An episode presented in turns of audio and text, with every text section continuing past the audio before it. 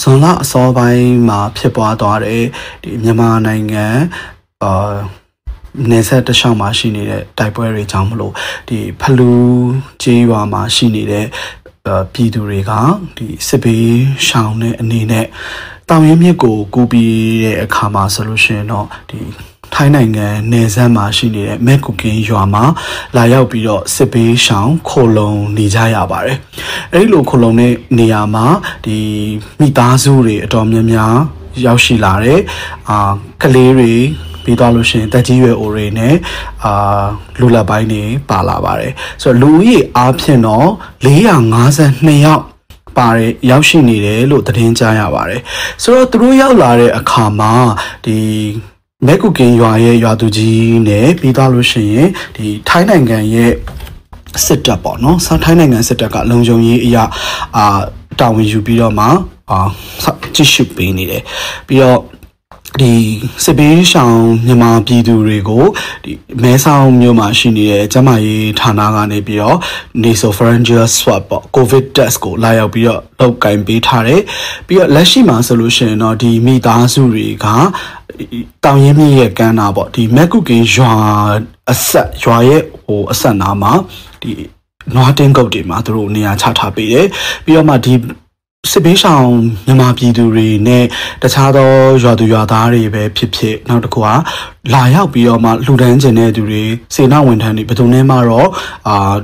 ထိတွေ့ခွင့်အာတွေ့ဆုံခွင့်မရပါဘူးဒါကလေဒီထိုင်းဆိုရဘက်ကပြောကြားချက်အရာတော့ကိုဗစ်ရဲ့ဥပဒေအရသူတို့ဒီ quarantine အနေနဲ့နေရတယ်ဆိုပြီးတော့မှဒါဟို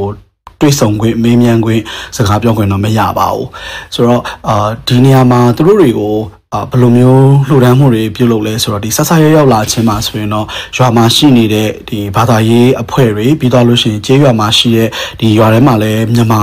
ပြည်သူတွေကငကိုတွေကရှိနေပြီးသားဆိုတော့သူတို့ကနေပြီးတော့မှဒီစားဝင်စားတောက်ရေးအတွက်ကိုချက်ပြုတ်ပြီးတော့စီစဉ်ပြီးတော့ချက်ပြုတ်ပေးတယ်ပြီးတော့မှသူတို့ထမင်းထုတ်တွေအနေနဲ့ဝေမျှပေးတယ်ဆိုတော့ဒီပြည်သူတွေကိုတိုက်ရိုက်မီးသုံးဆွဲခွင့်ပေါ့ဒီကိုယ်တိုင်ချက်ပြုတ်စားတောက်ခွင့်တော့မပေးထားဘူးဒါကြောင့်မလို့ရိတ်ခါကြောက်တွေဟိုလှူဒန်းထားတဲ့ အလူပစ္စည်းတွေကတော့ဒါနောက်နေ့မှာတော့အမြောက်အများရောက်ရှိလာတယ်ရောက်ရှိလာတဲ့အခါမှာတော့ဒီအလူပစ္စည်းတွေကိုအာရွာသူကြီးကနေပြီးတော့မှဟင်းချက်အဖွဲ့တွေထမင်းချက်အဖွဲ့တွေကိုပေးပြီးတော့မှပြည်သူတွေကိုအာစာဝတ်နေရေးအတွက်ကိုစီစဉ်ပေးပါတယ်ဆိုတော့အဝတ်တစ်ထည်ကိုတစ်ခုနဲ့ဒီမြစ်ကိုကူးပြီးတော့ပြေးလာတာဖြစ်တဲ့အတွက်ကြောင့်မလို့အာအဝတ်အစားတွေပြက်လက်မှုတွေကတော့ပထမပိုင်းမှာများပြားတယ်လို့ပြောပါတယ်ဒါပေမဲ့အခုလက်ရှိအချိန်လေးမှာတော့ဒီမဲဆောက်မြို့ပေါ်မှာရှိနေတဲ့အာ CBO အဖွဲ့တွေပြီးတော့ရင်တိုင်းသားအဖွဲ့အစည်းတွေအာ KWO လို့ပေါ့ Current Women အဖွဲ့အစည်းလိုမျိုးအဖွဲ့တွေနောက်တစ်ခုကတော့ဒီထိုင်းနိုင်ငံရဲ့ဒီမဟာမိတ်အဖွဲ့ဖြစ်တဲ့ AAC အဖွဲ့ကနေပြီးတော့မှ NUG အစိုးရရဲ့အာလူသားချင်းစာနာထောက်ထားရေးနဲ့အာဘေးအန္တရာယ်ဆိုင်ရာစီမံခန့်ခွဲရေးဝန်ကြီးဌာနကိုအာရဲ့အနေနဲ့လာရောက်ပြီးတော့လှူဒန်းထားတဲ့အလှပစ္စည်းတွေကလည်းရောက်ရှိလာတယ်လို့သိရတယ်ဆိုတော့ဒီအလှပစ္စည်းတွေကိုလည်းအာ ထမင်းဟင်းချက်ပြုတ်တဲ့အဖွဲ့တွေကိုအနံပြီးရဲ့အခါမှာတော့ပြည်သူတွေစားဝင်နေရေးအတွက်ကိုစီစဉ်ပေးတယ်အာနောက်တစ်ခုကတော့တခြားသောဟိုဝင်ရောက်မှုအနေနဲ့ကတော့ဒီထိုင်းနိုင်ငံထဲမှာရှိနေတဲ့ဒီငကိုတွေကမှဒီဒုက္ခသည်ဆိုင်ရာဟိုလုပ်ငန်းတွေကိုလှုပ်ဆောင်ပေးနေတဲ့အာ INGO အဖွဲ့အစည်းတွေကဒီအိမ်သာတို့ရေချိုးခန်းတို့နဲ့အစရှိရပေါ့နော် environmental health နဲ့သက်ဆိုင်တဲ့